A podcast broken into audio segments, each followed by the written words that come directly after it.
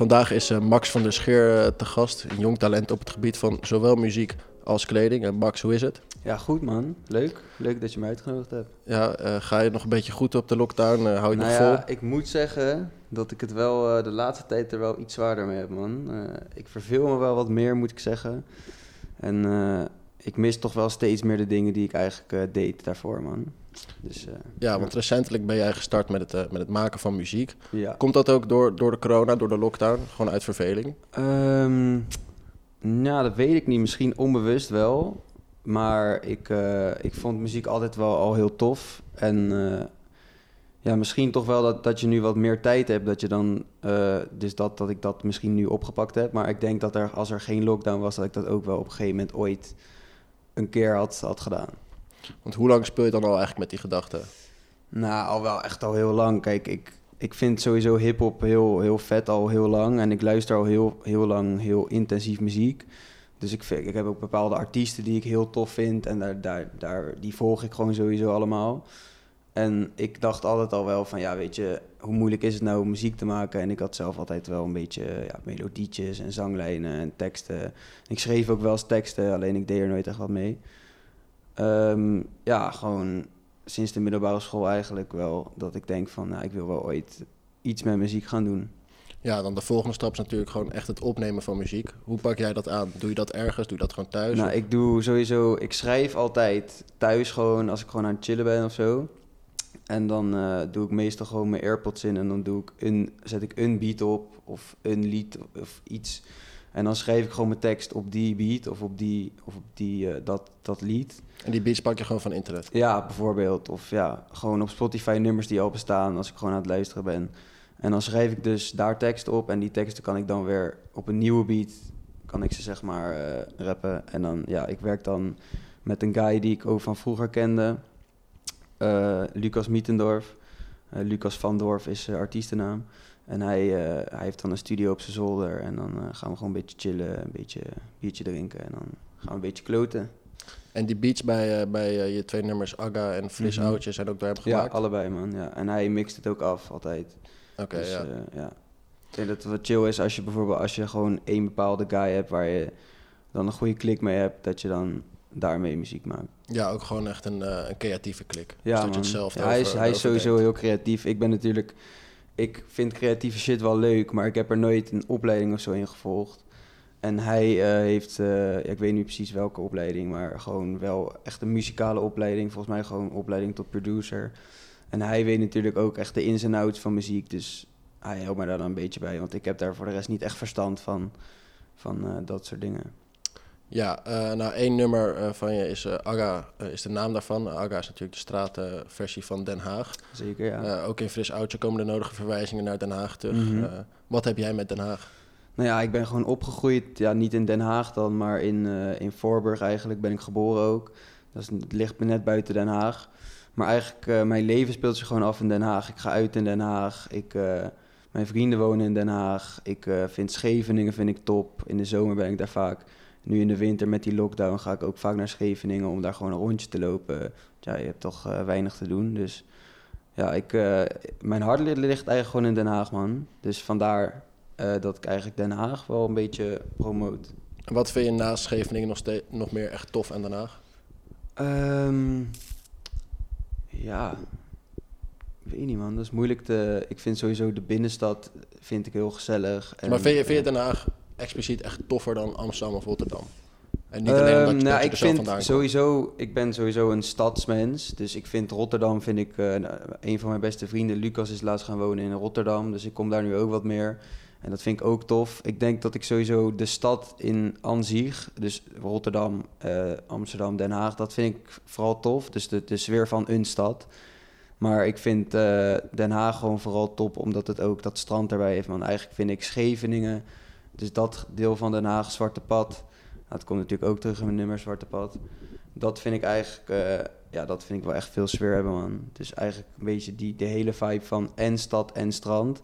Dat dat dus één is, dat vind ik wel ja, het beste iets, van. iets wat Den Haag echt onderscheidt ja, van andere dat, steden. juist, dat, ja, dat man, ja.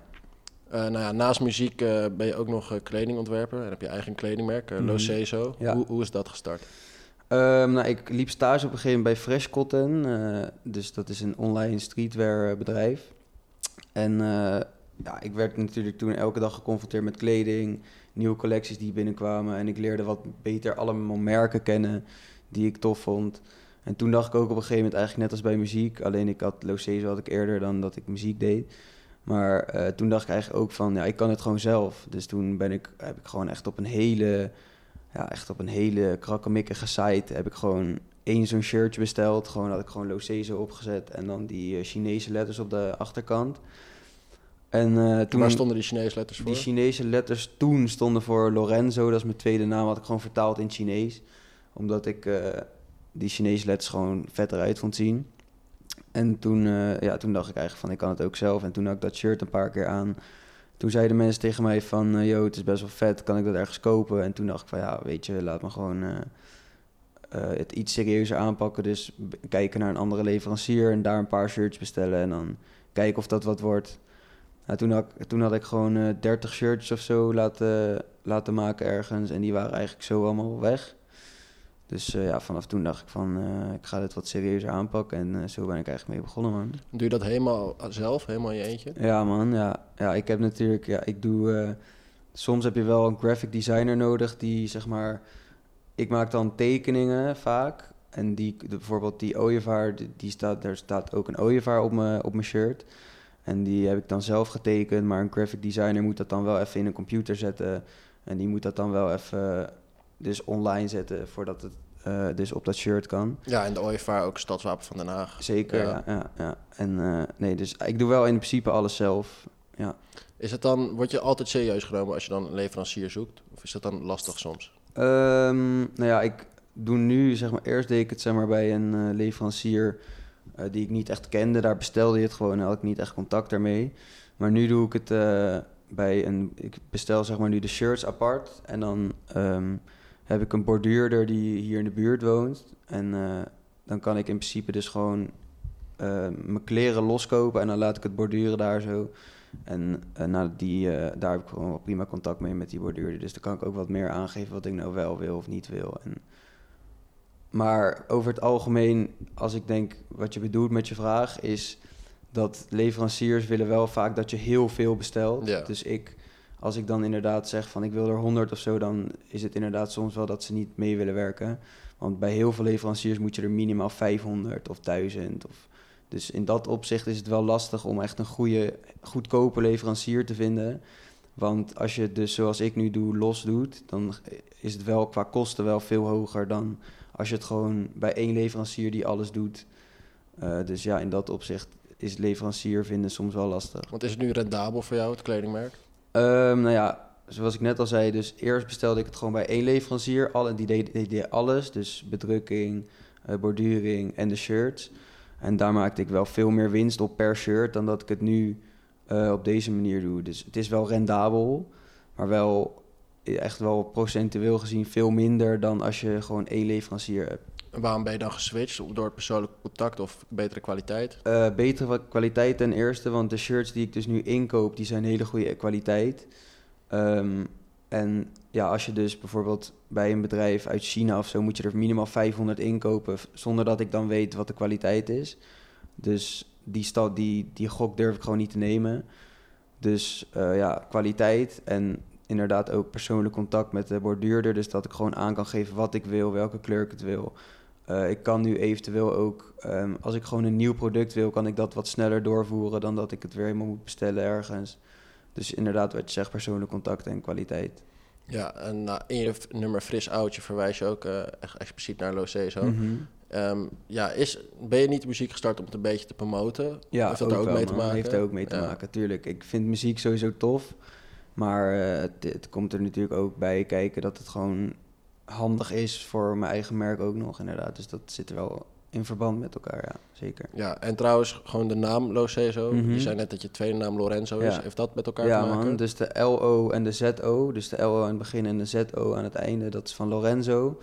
En die SE, dus Losé zo, dat is van mijn Italiaanse familienaam, man. Want ik heb Italiaanse familie en die heet Tucedu, dus daar heb ik zeg maar die SE van gepakt.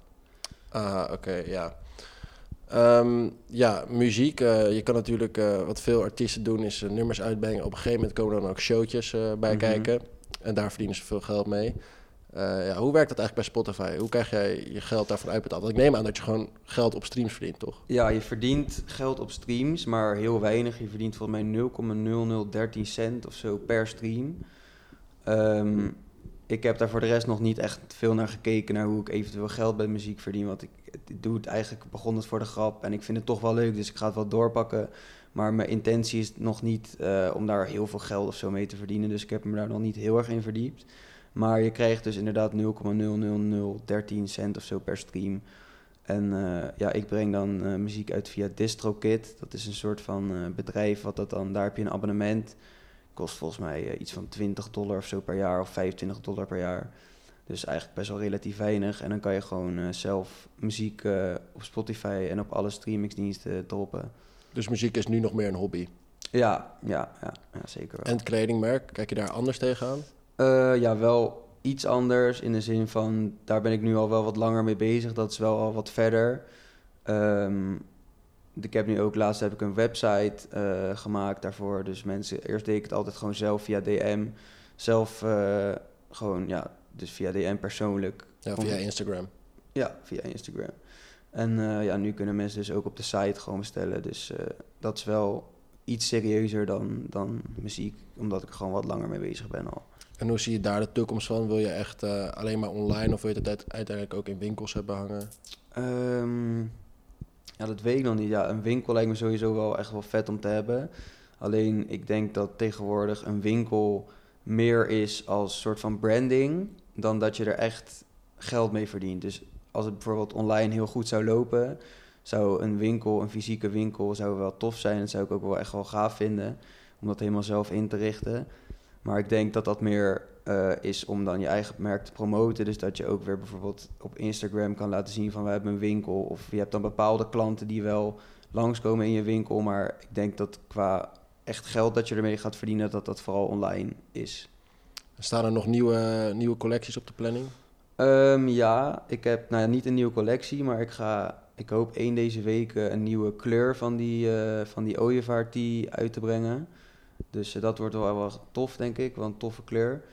En daarna, dat, dat ga ik dan eerst doen. En dan wil ik daarna wil ik wel weer iets nieuws gaan, gaan brengen. Dus of iets met hoodies, of ehm, ja, ik weet het nog niet precies. Maar ik wil daarna wel weer iets nieuws, eh, gewoon een, een hele nieuwe collectie dus inderdaad eh, maken.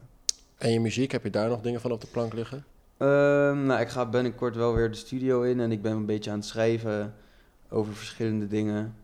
Kan je Dus- alvast een tipje van de sluier geven? Of, eh? Ehm, nou, ik denk dat ik wel iets meer... Kijk, nu heb ik eh, dus twee nummers gemaakt, dus die Fris Oudje en Aga. Aga is wat meer rap en Fris Oudje is wat, wel melodieus, maar ook wel wat meer rap. En eh, ik denk dat ik nu wel wat meer ga zingen. Dus een beetje wat melodieuzer, wat meer zingen, wat... wat ja, dat man. Dus het is wel een beetje, hoe heet dat? Het is niet een beetje buiten mijn straatje misschien. Want rap is, vind ik, makkelijker dan zingen. Want Ja. met zingen moet je ook zanglijnen en gewoon natuurlijk mooi zingen.